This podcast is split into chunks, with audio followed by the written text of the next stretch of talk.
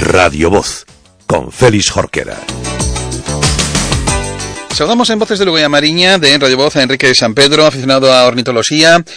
Eh, tamén o xestor do blog riandeenribadeo.com onde se fala precisamente do tema que abordamos nos venderos minutos das aves nesta contorna. Enrique, que tal? Bo día.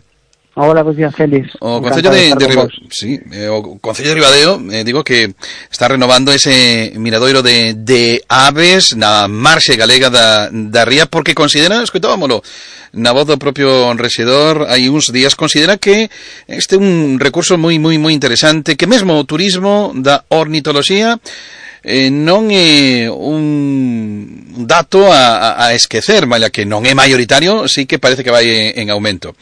O que nos eh, fai plantexear, eh, temos aquí un, unha riqueza importante nesta, nesta contorna eh, coas aves, Enrique. Eh, pois sí, mira, así, eh, como xa teñamos falado con vos en outras ocasións, Félix, cos teus ointes, eh, pois a Ría de Ribadeo ten uns valores moi moi importantes, eh, non en cuanto a, a, a de aves, senón tamén a nivel paisaxístico, natural, eh, con moito que mellorar, pero, pero sí, hai unha riqueza mitolóxica que penso que é bastante ben coñecida pola poboación, pero que sempre é importante mm, ter novas, eh, novas como estas de, de actuacións que, que inciden eh, en promocionar este tipo de turismo. Penso que é algo moi positivo para a zona. Bueno, ademais dese de novo miradoiro, eh, podríamos eh, sumar outra actuación importante do propio Concello que é a limpeza forestal nesas marxes. Eh, por lo tanto, eliminar de, de árbores eh, invasoras eh, toda esa contona, o que dá unha, entendo, eh, Enrique, unha panorámica sí. totalmente distinta, non? Totalmente, efectivamente a, a, que se ve do, da, da beira, neste caso galega da ría, cambiou radicalmente nestes últimos tempos, pareceme unha actuación acertadísima, a eliminación desas especies eh, que sabemos que non que son invasoras, como eucalipto, como as acacias, eh, que invadían toda esa zona da ría, eh, que con este proxecto de, de, de eliminación desas especies por un lado, un proxecto público que hai, que sabemos que é a, a da Ruta das Afeas, que é onde se eliminou a nivel público, e por outro, se sumamos unha iniciativa privada que, que é coñecida tamén polos veciños, como é a Finca do Costal, que tamén eh, pois, o seu propietario, o seu novo propietario está facendo un proxecto de, de gandería ecolóxica por o que se por o que sai nos medios eh, eh, que tamén con esta fantástica iniciativa de eliminar igualmente esas especies invasoras e reforestar esa enorme finca con especies autóctonas, eh, eh, eh, la verdad es que mudó radicalmente a, a paisaje de ría, eh, es un beneficio para el ecosistema, para las aves y para las personas, para todos. Bueno, porque tenemos ahí un tesauro en esta ría que podríamos eh, con poco de sorte o, sin moita ver en, cuanto a, riqueza de presencia de aves, Enrique. Sí, pois, pois a Ría de Ribadeo eh, está declarada un miral de importancia internacional dentro do convenio Ramsar, foi declarada así eh, no ano 2011, quanto fai xa casi 30 anos que está declarada así. Eh, hai que dicir que no momento da declaración, naquel ano, eh, desgraciadamente a ría eh, tiña moitísima máis cantidade de aves que ten hoxe en día. Estamos asistindo a un perigosísimo declive das poblacións de aves invernantes non só na ría de Ribadeo, senón en moitos dos humidades da península, é unha tendencia que estamos comprobando, por exemplo, a nivel dos, dos humidades do eh, a verdade é que é certamente preocupante, hai moitos factores, algúns deles factores a nivel local, propios da ría, que sin dúbida eh, afectan a, a que as aves veñan invernar aquí, e outros factores que son incluso a nivel mm, máis grande a nivel continental ou incluso a nivel global. Falamos de cambio climático, de mudas das correntes de auga, de que afectan as alimentacións, hai un sinfín de factores que a verdade é que eh, é, é difícil eh, consultar todos eles, pero o certo que a población de aves na ría está disminuindo nos, nas últimas décadas. Sin embargo, pois a pesar de eso, a ría sigue tendo importancia e moitas aves dependen dela para, para sobrevivir. ¿Mm? Porque cales son as características diferenciais medioambientais desta, desta contorna, Enrique? Pois ben, eh, aquí na, no, no noso estuario na ría, como se sabe, pois é un, un ecosistema no que se xuntan as aguas saladas do mar coas doces do río e ademais é un intermareal, é dicir, a, a influencia das mareas provoca que o ecosistema varíe en función de se está a marea alta ou baixa e tamén o acceso dos animais á alimentación. Así, por exemplo, aquí na ría temos invernando especies de anápidas, de patos comúnmente coñecidos que usan eh, as aguas para alimentarse, os fondos mariños, plantas acuáticas, eh, invertebrados, etc. E temos tamén eh, outra especie importante eh, limícolas que utilizan os limos, os lodos, que quedan libres nas baixamares e eh, eh, podemos observar eh, alimentándose. Dai, isto non é algo exclusivo da nosa ría, é común a, a moitos a todos os estuarios do Cantábrico. Pero pois eh, ao fin e ao cabo sabes necesitan un espacio onde pasar o inverno e a Río de Ribadeo é desira por moitos deles para, para vir aquí a invernar. Oye, hai un, por decirlo algún xeito, eh? Enrique, sen desmerecer, iba a decir, que non me escoiten os, os paxaros as aves e, eh, e me tiren as, as orellas, pero digamos que hai unha nena bonita, que decir, unha, unha especie que se xa, ademais, eh, valor das que se poderían eh, avistar, das que aniñan ou, ou teñen na contorna da ría de, de Ribadeo o seu hábitat.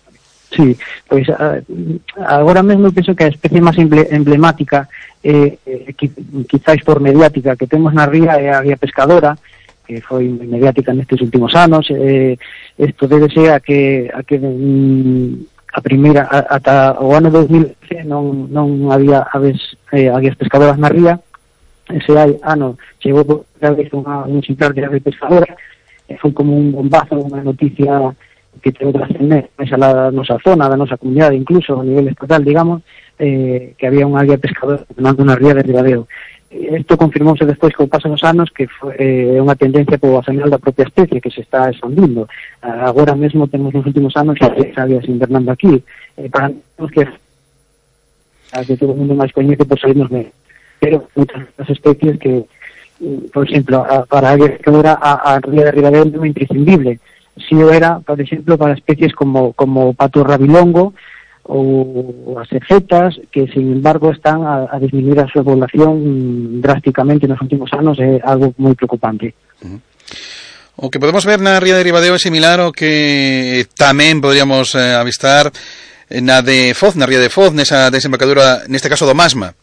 Sí, moi similar. Eh, varían as cantidades, pero, pero ambos son unidades eh, cantábricos con unhas um, características moi similares e as especies um, pois son prácticamente as mesmas variando a cantidade na ría de Foxa tamén hai a ría pescadora eh, en fin, as especies son moi moi similares. Mm. Hai outras rías en Galicia tamén como a ría de Ortigueira, con as cifras de aves moi superiores agora mesmo que a ría de Río, outras en Asturias, País Vasco, etcétera. No. En xeral, toda esa poboación de aves que ven de invernar do norte de Europa distribuirse por los cantábricos, incluso en Maison Sur, pero si estamos hablando ahora de Cantábrico, eh, eh, necesitan espacio. Al final, eh, como los seres humanos necesitan ciudades, vilas para poder habitar, pues las especies de aves necesitan un sitio en lo que pasarlos el invierno.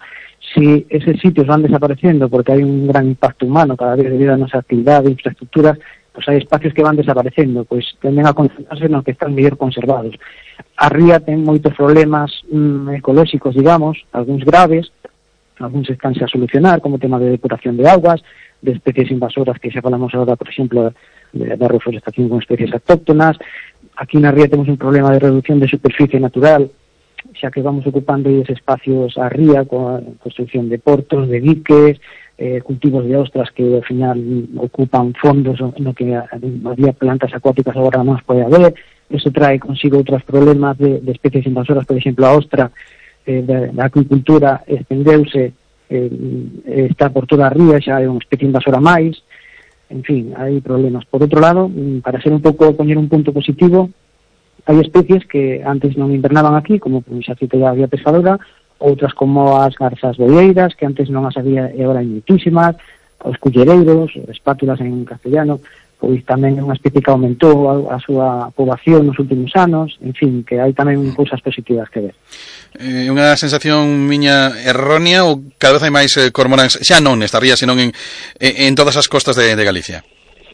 Mm, ben, a ver, en, eh, eh cormoranxo e corvos mariños eh, temos dúas especies que é o corvo mariño grande e o, o corvo mariño cristado.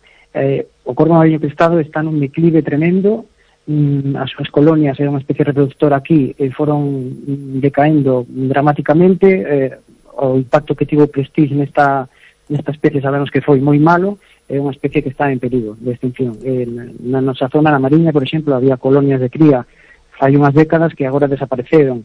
Temos unha colonia cerca en, en Tapia, nas Illas Pantorgas, que, que, que é un reducto que temos aí que nos está dando algo de poboación.